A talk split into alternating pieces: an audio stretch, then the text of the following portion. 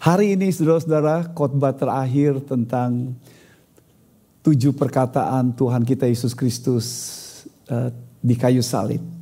This is the last word. Ini adalah kata-kata yang terakhir daripada Tuhan kita Yesus Kristus yang tadi uh, dibacakan oleh uh, Bejo. Saudara-saudara, coba kita perhatikan bagian ini baik-baik ketika merenungkan ini dan memikirkan tentang penderitaan, kematian Tuhan kita Yesus Kristus, saya pribadi disegarkan, dikuatkan, dan saya berdoa juga jemaat kita juga uh, seperti itu, saudara-saudara.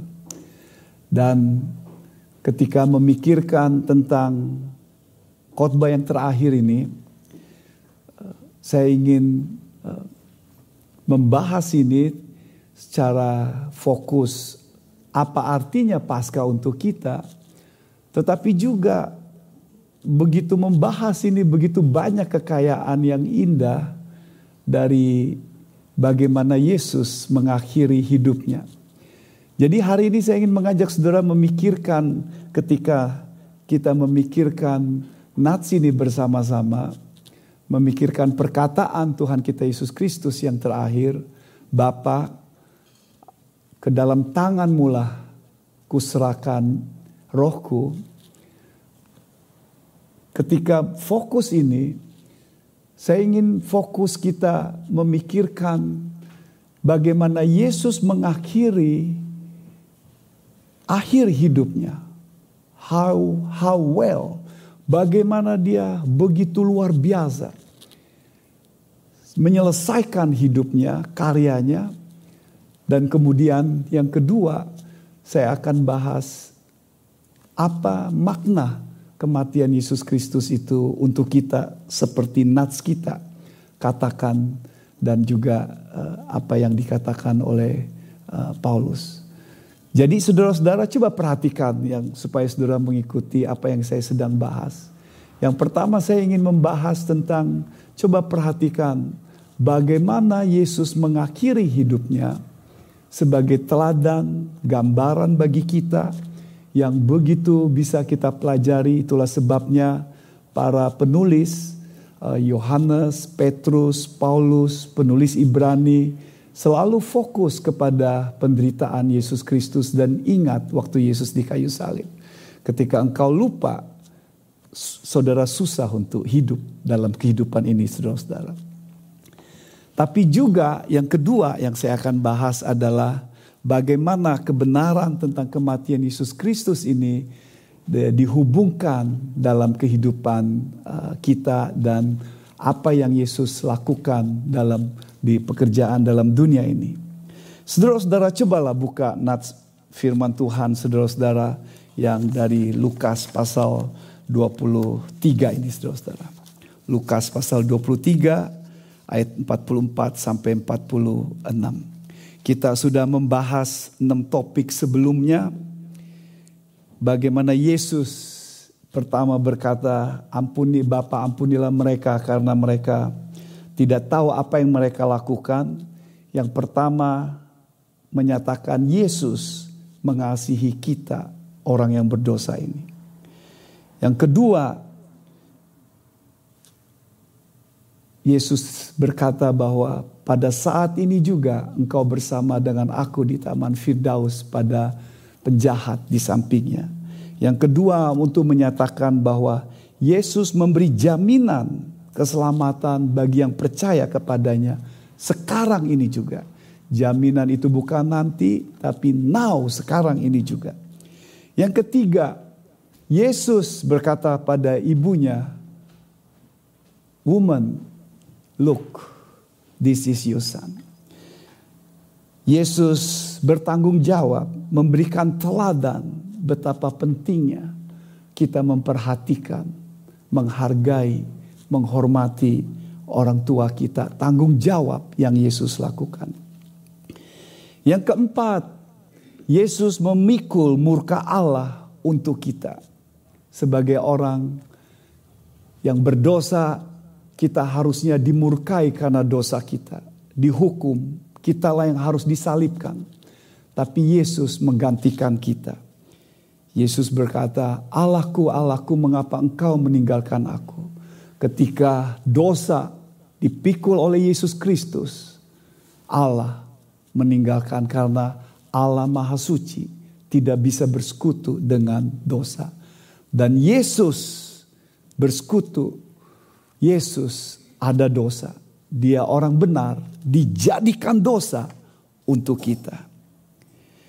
Yang kelima, menunjukkan kemanusiaan Yesus Kristus untuk menyatakan bahwa dia haus. Supaya saudara tidak kehausan dalam dunia ini. Dialah sumber air yang hidup. Dia mati supaya engkau tidak haus lagi. Dan yang keenam, minggu kemarin Miki khotbah, tetelestai, sudah selesai.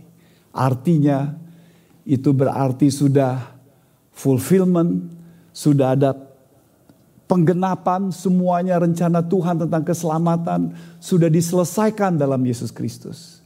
Sudah finish, sudah selesai, sudah genap dan sudah dibayar lunas. Tidak ada lagi perbuatan baik tidak perlu dilakukan lagi untuk dapat keselamatan dan tidak bisa menyelamatkan kita. Yesus menyelesaikan karya Allah, rencana Allah dalam Yesus Kristus sejak perjanjian lama, sejak manusia jatuh dalam dosa. Dan Yesus menyelesaikan sampai di kayu salib. Sudah selesai, tetelestai. Lihat kiri kanannya, tetelestai. Ya.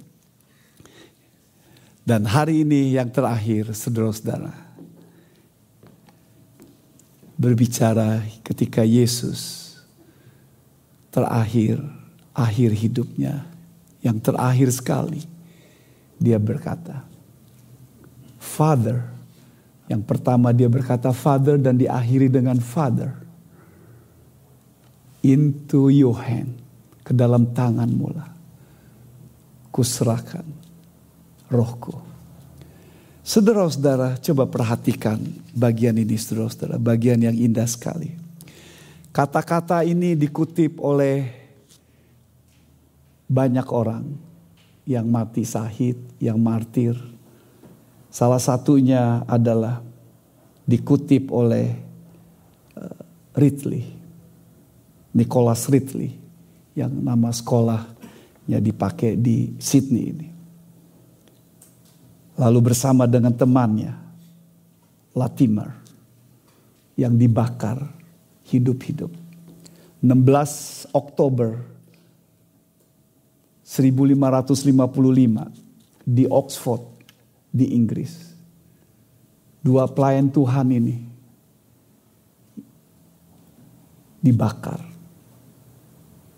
Ketika api dinyalakan, makin lama makin besar. Ridley cry out, Lord, Into thy hand I commend my spirit. Lord, receive my spirit.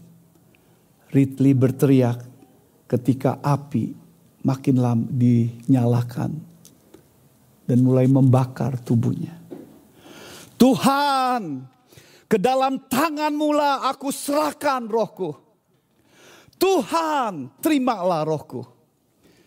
Dia mengulangi ungkapan itu beberapa kali. Temannya yang sama-sama dibakar. Latimer berteriak. Father of heaven, receive my spirit. Bapa di surga, terimalah rohku. Saudara-saudara, bukan kata-kata itu hal yang indah dan banyak yang lain yang mengutip hal yang sama. Saudara-saudara, cara kita mati sangat menentukan kekristenan kita, saudara-saudara sesungguhnya. Cara kita hidup, cara kita mati akan menunjukkan kekristenan yang sejati itu. Saudara-saudara, perhatikan belajar dari Yesus Kristus ini. Yang pertama saya akan bahas, lihat bagaimana Yesus mengakhiri hidupnya dengan penuh kesetiaan, saudara-saudara. Dia melayani sekitar tiga setengah tahun. Umurnya diperkirakan 33 setengah tahun. Artinya, kualitas hidup seseorang tidak tergantung lamanya, tidak tergantung lamanya, panjangnya, tapi banyak kualitas itu bagaimana dihidupkan dalam kehidupan kita. Sama seperti orang Kristen, sama seperti suami istri, sama seperti saudara kita sebagai pelayan Tuhan. Bukan lamanya, tapi bagaimana mutu kualitas dalam kita sebagai anak Tuhan. Saudara-saudara, coba perhatikan yang dikatakan nats kita ini. Ayat ke-46. Lalu Yesus berseru dengan suara nyaring, Ya Bapa, ke dalam tanganmu kuserahkan nyawaku. Dan sesudah berkata demikian, ia menyerahkan nyawanya. Saudara-saudara, coba perhatikan. Saya bahas ayat 46 ini lebih dahulu.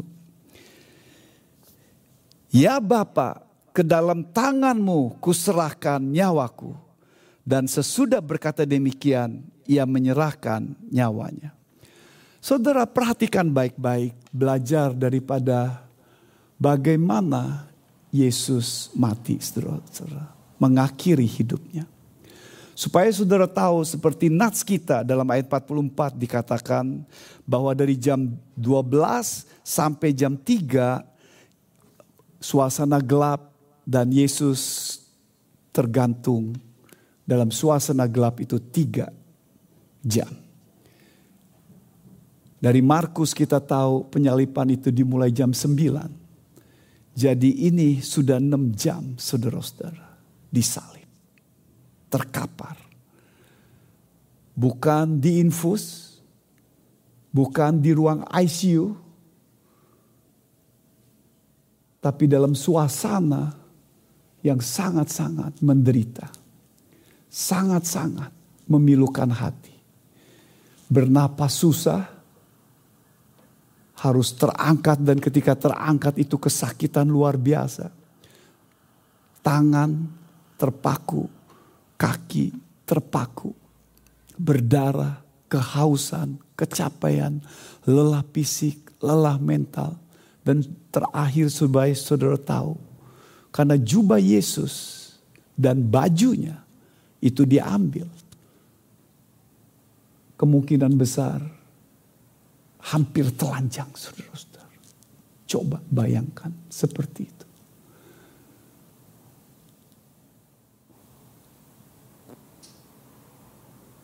Apa penderitaan saudara yang membuat saudara cengeng, letih, lesu, lemah? Firman Tuhan berkata, look at Jesus. He's suffering. Yang akan menguatkan iman saudara. Coba perhatikan firman Tuhan. How well Jesus. Ya. Yang pertama, Yesus mempunyai relasi yang intim dengan Bapa. Dia menyebut Father. Saudara perhatikan baik-baik. In the midst of suffering, Father diucapkan. Kalimat yang pertama diucapkan Father. Bapa, ampunilah mereka karena mereka tidak tahu apa yang mereka lakukan. Mereka tidak tahu bahwa si pemelihara jiwa, sang pencipta yang mereka bunuh ini.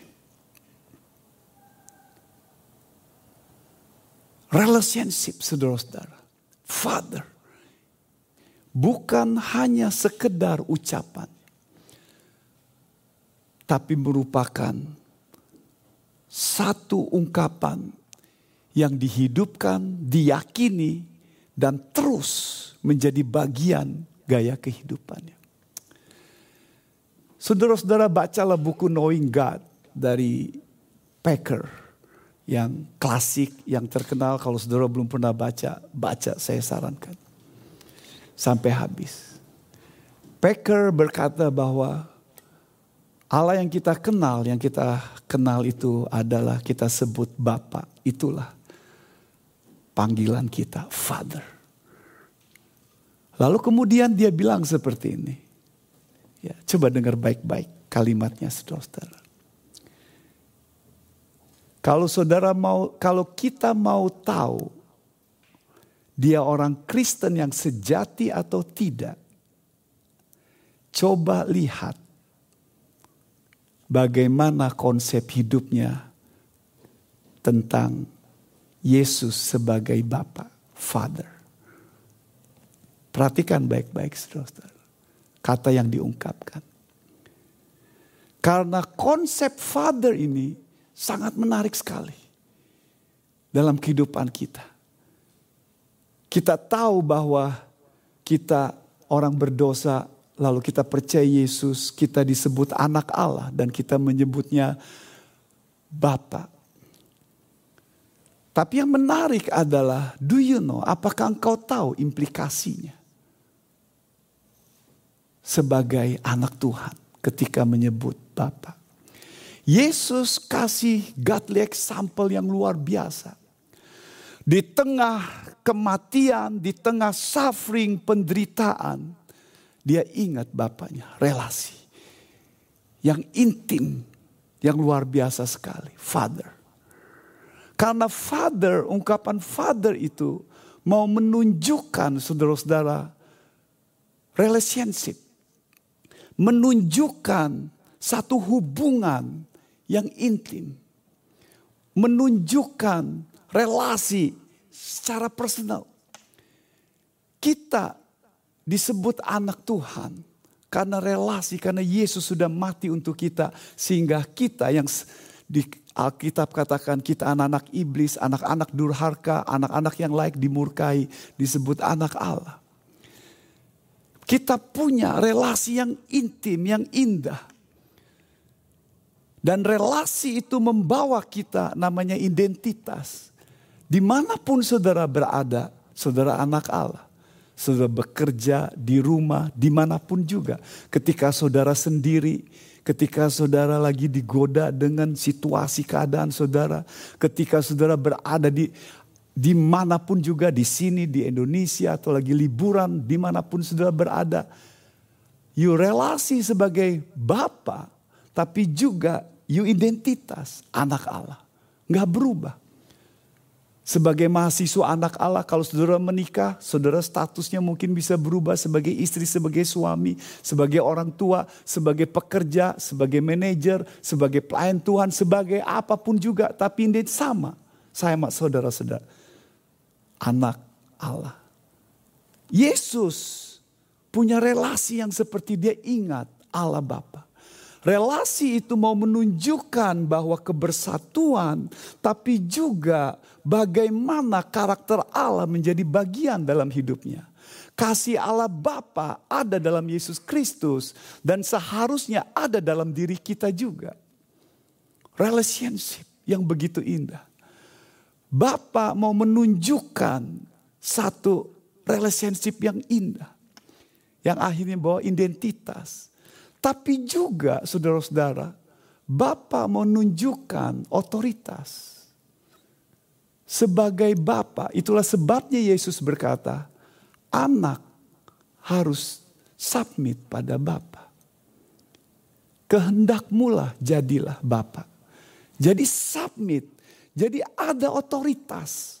Sebagai Bapak, ada hubungan dengan sang anak dan Yesus ketika menyebut Bapa di tengah-tengah situasi seperti keadaan seperti itu dan jangan lupa Yesus adalah manusia sejati yang sedang menderita tapi juga dia 100% hakikatnya Allah.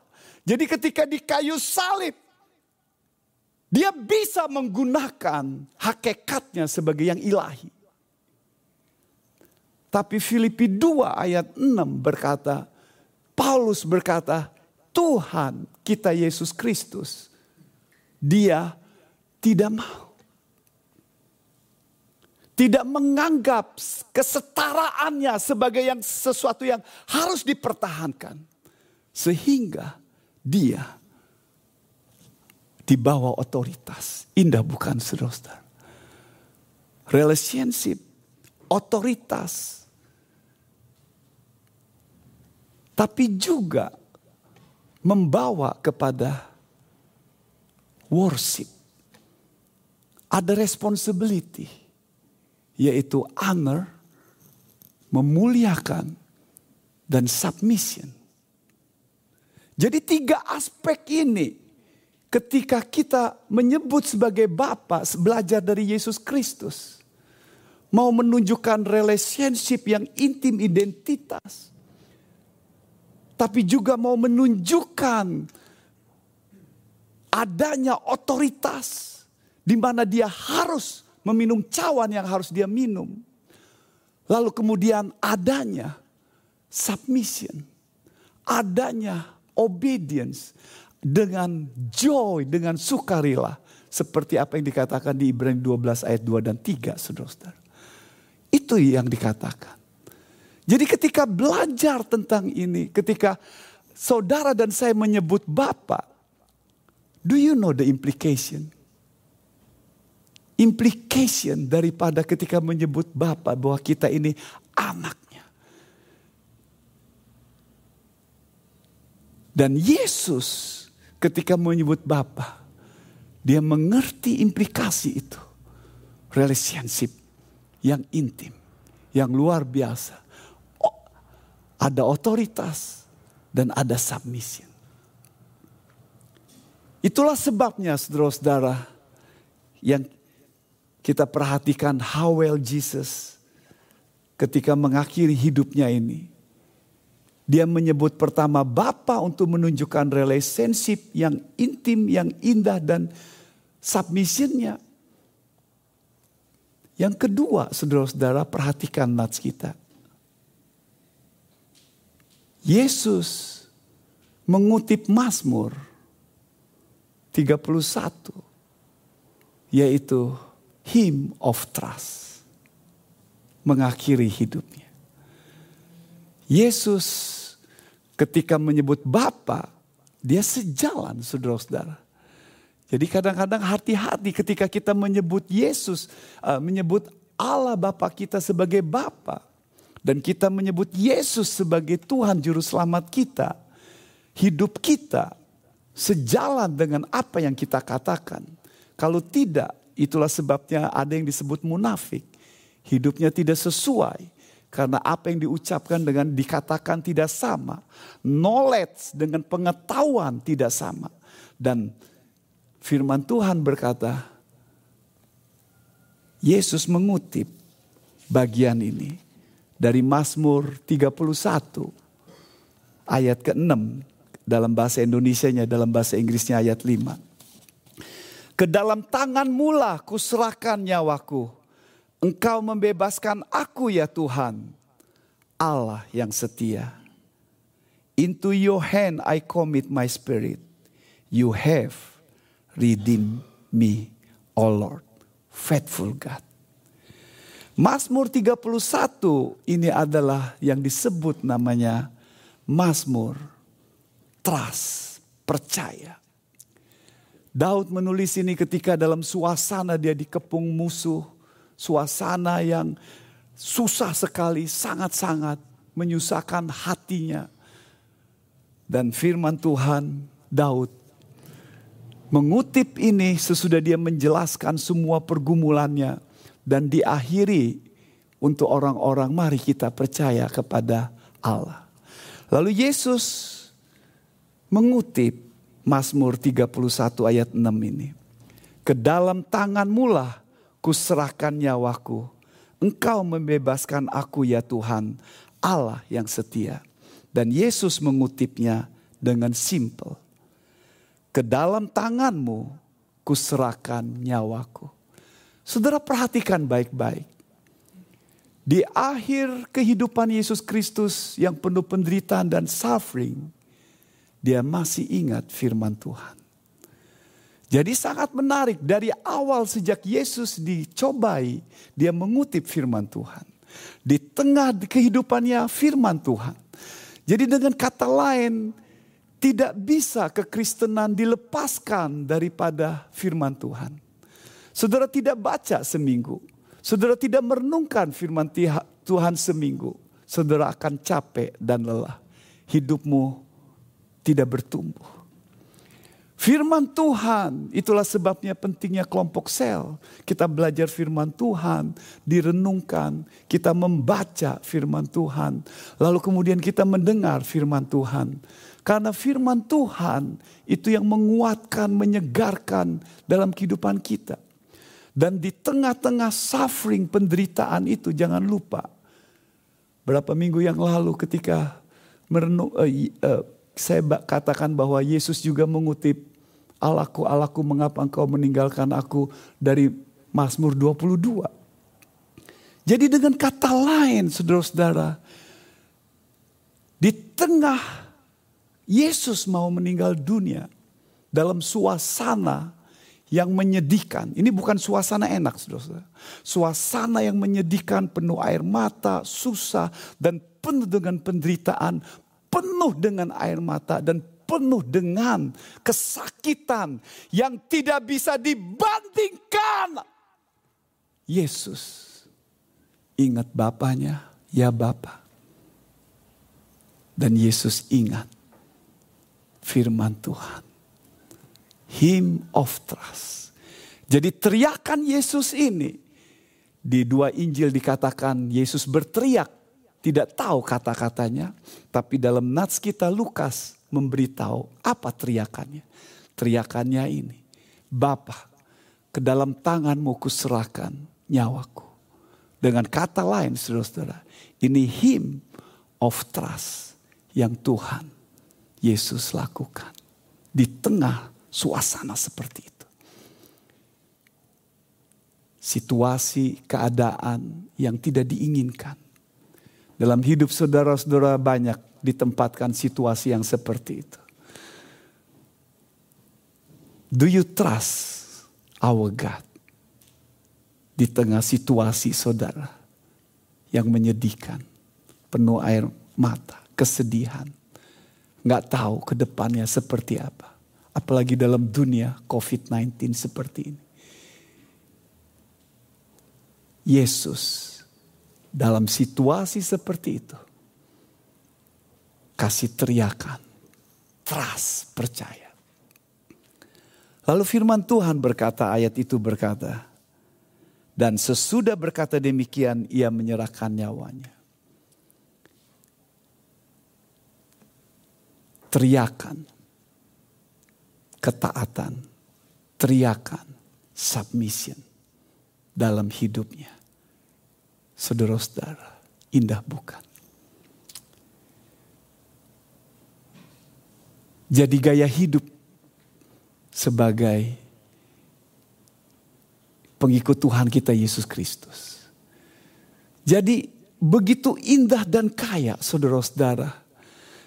Ketika how well Jesus finished dan itu melihat dalam kehidupan kita. Dan di akhir kematian Yesus Kristus. Dan ketika merenungkan seperti ini kita jarang. Kita tahu kalimatnya tetapi kita tidak memikirkan secara serius. Apa yang Yesus sedang lakukan. Relationship sang Bapa. Trust di tengah situasi itu dan dia submit, obedient sampai mati, menyerahkan. Dia tidak mempertahankan haknya yang sehakikat dengan Allah Bapa dan mati. Saudara-saudara, indah bukan? Bagian ini saudara-saudara. Jadi ketika saya merenungkan ini lalu memang bukan hal yang berlebih-lebihan ketika Petrus Paulus, surat Ibrani. Fokus pada kematian eh, Yesus Kristus. Fokus pada Yesus suffering menderitanya. Dan penulis Ibrani berkata, Look at him.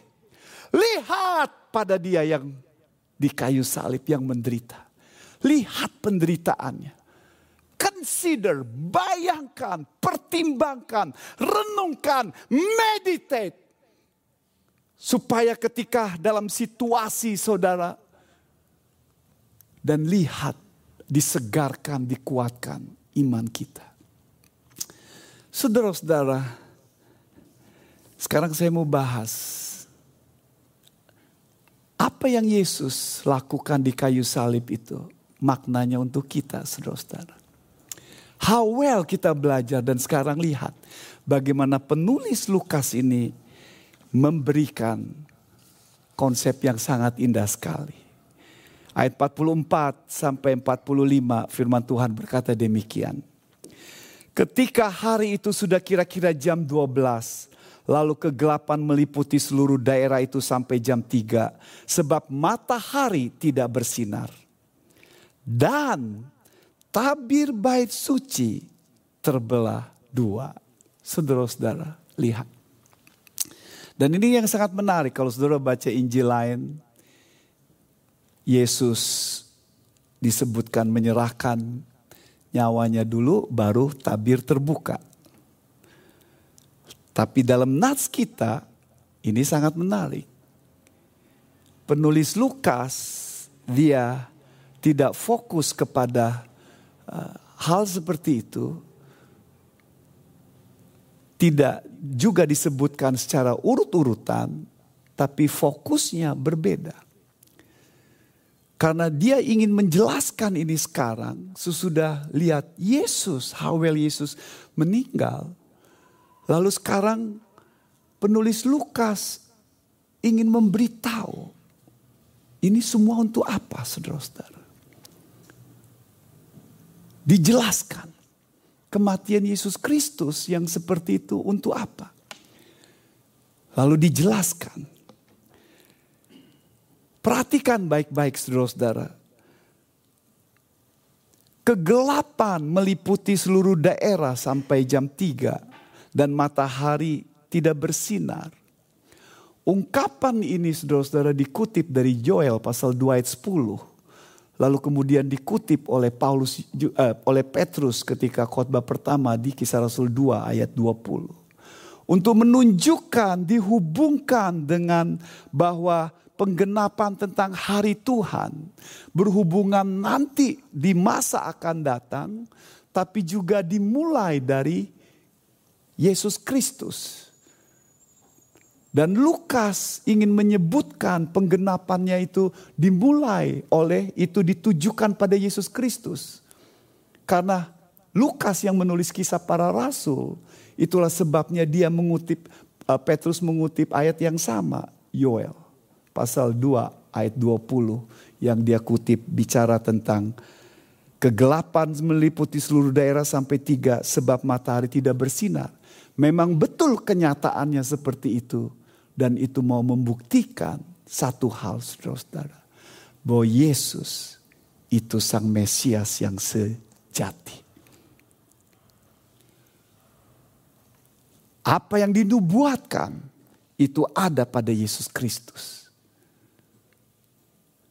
Lalu kemudian untuk menekankan hal itu lagi.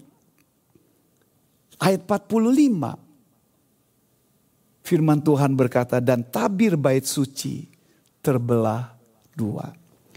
Tabir bait suci. Kalau saudara tahu bahwa dalam dalam Alkitab dikatakan bahwa tabir atau uh, tabir bait suci itu semacam uh, curtain yang begitu uh, tebal saudara-saudara. Tirainya tingginya sekitar 18 meter tebalnya sekitar 10 cm. Terbuat dari kain ungu, kain ungu tua, kain ungu muda, kain kermizi, dari lenan halus, jadi tebal sekali dan tinggi. 18 meter dan tebalnya 10 meter. Seorang berkata bahwa kalau itu ditarik, tirai itu ditarik dengan empat kuda, ujung-ujungnya ditarik oleh empat kuda, juga nggak robek saudara-saudara. Jadi mau katakan nggak sembarangan bisa robek. Itu mustahil untuk robek. Kalau bukan tangan Tuhan yang bekerja. Jadi dalam nats ini saudara-saudara, Lukas ingin menekan ini bahwa dia adalah sang Mesias yang dinantikan itu, sang juru selamat itu. Dan surat Ibrani pakai istilah pakai imam besar. Dan Lukas membuat tabir bait suci terbelah dua artinya terbelah dua karena kita tahu dalam bait suci itu ada tiga ruangan sesungguhnya. Satu ruangan terbuka di pelataran di depan. Lalu kemudian satu ruangan lagi ruang maha suci, eh, ruang suci tempat para imam dan imam-imam. Di situ ada tempat-tempat untuk persiapan untuk korban bakaran. Lalu kemudian tempat maha suci. Ibrani 9 katakan bahwa ruang maha suci itu hanya imam besar yang bisa lakukan dan itu setahun sekali. Lalu kemudian di situ ruang maha suci itu ada tabut. Bait Allah di dalam isinya ada sepuluh hukum Taurat. Lalu kemudian ada tongkat Harun, lalu ada mana. Dan tempat dikasih ada kerubim, dua kerubim sebagai tanda malaikat yang menjaganya. Jadi ruang maha suci itu benar-benar hanya imam besar. Miki berkata bahwa menurut tradisi bahwa itu kalau imam besar masuk di sana tidak mempersiapkan diri menurut tradisi. Itu ketika masuk itu harus di, dirantai kakinya kalau supaya mati bisa ditarik. Itu menurut tradisi saudara-saudara. Ya. Tapi poinnya adalah bahwa imam besar itu yang hanya bisa masuk. Jadi apa artinya kematian Yesus Kristus ini bagi kita di pasca ini? Artinya saudara-saudara, tabir bait Allah itu terbuka. Dan supaya saudara tahu, ini yang sangat menarik. Di Injil yang lain dikatakan dari atas ke bawah. Tapi Lukas tidak menulis dari atas ke bawah tapi ditulis dalam bahasa Yunani meson. Artinya down the middle. Menarik gak saudara-saudara? Penulis Injil yang lain dari atas ke bawah, Lukas ketika menulis dan tabir bait suci terbelah kedua, itu bukan dari atas ke bawah, tapi fokus di tengah Why? Kenapa saudara? Karena Lukas ingin menekankan bahwa kematian Yesus Kristus itu sekarang terbuka, terbuka untuk semua orang. Terbuka untuk semua orang, tidak ada lagi batasan hanya orang Ibrani Yahudi saja yang datang. Dan tempat di mana disebut tempat maha suci itu sudah tidak ada lagi. Karena Yesus yang sebagai imam besar yang sudah mati di kayu salib, darahnya tercurah dan membuka kepada semua bangsa-bangsa supaya boleh mendapatkan keselamatan dalam Yesus Kristus. Indah bukan saudara-saudara? Itu tekanan. Bukan dari atas ke bawah, tapi dari middle down. Down the middle untuk menunjukkan terbuka. Terbuka untuk menunjukkan bahwa Yesus yang imam besar itu kemudian ayat itu berkata Yesus sebagai imam besar menyerahkan dirinya. Sekali untuk selama-lamanya. Dan itu berarti bahwa keselamatan terbuka untuk semua orang. Open now terbuka supaya setiap orang tidak harus lagi ke Yahudi, tidak harus lagi ke dia, para imam mengorbankan darah anak domba. Setahun sekali tidak perlu. Ibrani berkata sekali imam besar Yesus Kristus yang mati untuk selama-lamanya. Dan terbukalah sekarang untuk siapa pun juga datang kepadanya. Yang percaya pada Yesus Kristus sebagai Tuhan dan Juru Selamatnya. Indah bukan saudara-saudara. That's makna Paskah. Sesungguhnya. Bukan Paskah berarti Good Friday dalam arti liburan, pesta, lepas dari kerjaan. Bukan itu saudara-saudara.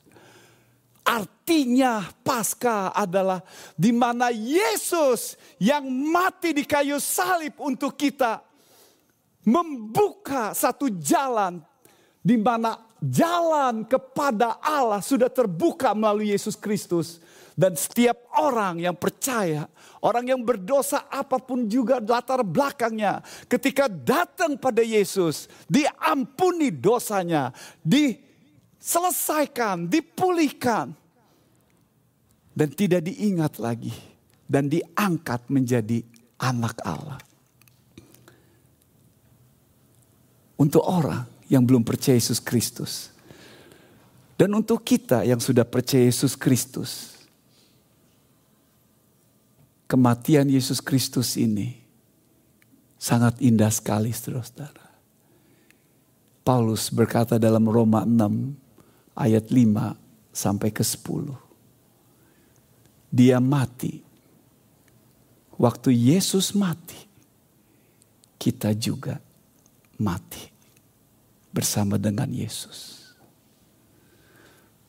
Ketika kita mati bersama Yesus, kita tahu tubuh dosa, the power of sin, itu dipantek di kayu salib. Jadi sangat menarik saudara-saudara ketika kita merenungkan pasca ini di satu sisi berikan keselamatan. Tapi bagi kita, Paulus berkata ketika Yesus mati, kita juga ikut mati bersama dia. Ketika bangkit, kita juga ikut bangkit. Identitas. Artinya, the power of sin itu sudah dikalahkan. Itulah sebabnya Paulus berkata dalam Roma pasal 6, barang siapa sudah mati tidak berbuat dosa lagi. Artinya saudara-saudara, kuasa dosa itu sudah dikalahkan. Manusia sudah buat berdosa, itu ada kematian. Kematian memisahkan kita. Tapi Yesus mati di kayu salib. Lalu kemudian kita supaya kita tidak mati lagi. Kita mati terhadap dosa dan kita hidup bagi Allah. Dan ada kekuatan, ada kemenangan dalam kita sebagai anak Tuhan. Mati itu susah saudara-saudara. Mati keakuan saudara. Mati dengan habit saudara. Kebiasaan saudara. Sikap dosa-dosa saudara. Mati terhadap karakter-karakter yang tidak bagus dalam hidup saudara. Saudara bergumul kebiasaan yang mungkin sekarang juga masih ada. Dan saudara berkata, aduh saya pengen mati keakuan dengan keakuan, kesombongan, kecongkakan. Dan hari ini good news. Yesus mati supaya kita bisa menang. Dalam pergumulan, dalam pertandingan yang saudara hadapi sekarang ini. He died. Kita juga mati bersama Yesus supaya kuasa dosa itu dikalahkan. Ada keselamatan, tapi bukan itu saja. Dalam anak Tuhan, kematian itu berlanjut. Ke kekristenan, kematian menyelamatan, tapi kematian juga yang menjamah menumbuhkan. Apa yang Yesus lakukan, itu sudah selesai untuk kita. Dan tinggal kita yang submission, obey, taat dan ingat apa yang Yesus lakukan untuk kita. Jadi pertanyaan bagi saudara untuk saudara yang belum percaya Yesus. Sudahkah engkau percaya Yesus mengerti makna pasca ini sesungguhnya? Saudara mungkin ke gereja. Saudara mungkin diajak teman atau sudah lama. Tapi saudara belum mengerti, oh ini makna pasca sesungguhnya. Yesus mati. Tabir bait Allah terbuka. Yesus mati untuk saudara. Saya orang berdosa, tidak layak. Selfish, egois saya melakukan apa yang saya ingin lakukan. Masa bodoh. Yang penting saya puas. Yesus mati untuk saudara. Supaya saudara diampuni, diselamatkan. Tapi juga supaya saudara bisa hidup. Karena kematian Yesus Kristus. Yang kedua bagi saudara yang orang Kristen udah percaya Yesus Kristus. Setelah bergumul mungkin dengan kematian, keakuan kau. Yesus sudah mati untuk saudara. Seperti Paulus berkata. Kuasa dosa itu sudah kalah. Dan bukan dengan you determination. Bukan dengan you obedience. Dengan ketekatan kau. Kau akan capek dan lelah tapi berikan hatimu, keterpikatan hatimu pada Yesus Kristus yang sudah mati. Dan biarkan dia bekerja dengan kuasanya yang hebat. Dan ketika engkau membiarkan hatimu terpikat pada Yesus Kristus. Dia bekerja, menjamah, menguatkan. Lihat Jakius. Dia tidak harus berubah dulu. Tapi ketika hatinya diberikan, ketika kasih Yesus menjamah hidupnya, saya orang bejat, orang tidak bagus, orang yang jelek, orang yang berdosa, orang yang tidak layak, dijauhi, dimusuhi cinta pada uang, hatinya terpikat pada barang dan benda, kenikmatan dunia. Tapi ketika kasih Yesus menjamah hidupnya dan hatinya kepada Yesus Kristus, ketika hati terpikat pada Yesus Kristus dan lihat bagaimana kuasa Yesus Kristus bekerja dalam hidupnya, dia berubah. Dan itu sama dengan saudara hari ini, pagi ini dan membiarkan kematian Yesus di kayu salib. Kasihnya yang hebat, yang besar untuk orang seperti saudara yang bejat, yang bergumul, yang stubborn, yang keras, yang bermain-main dengan dosa. Biarkan hatimu pandang pada Yesus. Dan Yesus yang mati di kayu salib memikat hatimu dan berkata Tuhan saya tidak layak. Dan Yesus mati untuk saya. Thanks ketika dia mati, saya mati. Supaya saya bisa hidup bersama Yesus Kristus. Mari kita berdoa bersama-sama. Merenungkan firman Tuhan ini. Izinkan saya bertanya sama saudara, bukan berapa lama saudara merayakan Paskah. Bukan berapa lama saudara menjadi anak Tuhan. Bukan berapa lama saudara ikut ke gereja. Tapi pertanyaannya adalah seberapa jauh karya Yesus Kristus itu bekerja dalam hidupmu, membiarkan dalam hidupmu dijamah, diubah.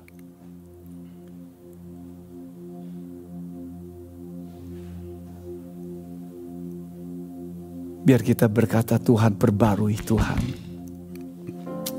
Iman saya pada Engkau. You grace. Engkau sebagai Yesus. Imam besar yang agung. Yang mati untuk kami. Supaya kami tidak hidup dalam kematian. Dan hidup dalam kemenangan. Perbarui kami Tuhan. Perbarui. Sebagaimana apa adanya saudara. Come. Biar pasca ini menjadi pembaruan. Pasca ini jadi pemulihan. Pasca ini menjadi pembaruan hidup. Sebagai dasar kehidupan saudara. Untuk membangun ke depan sebagai anak Tuhan.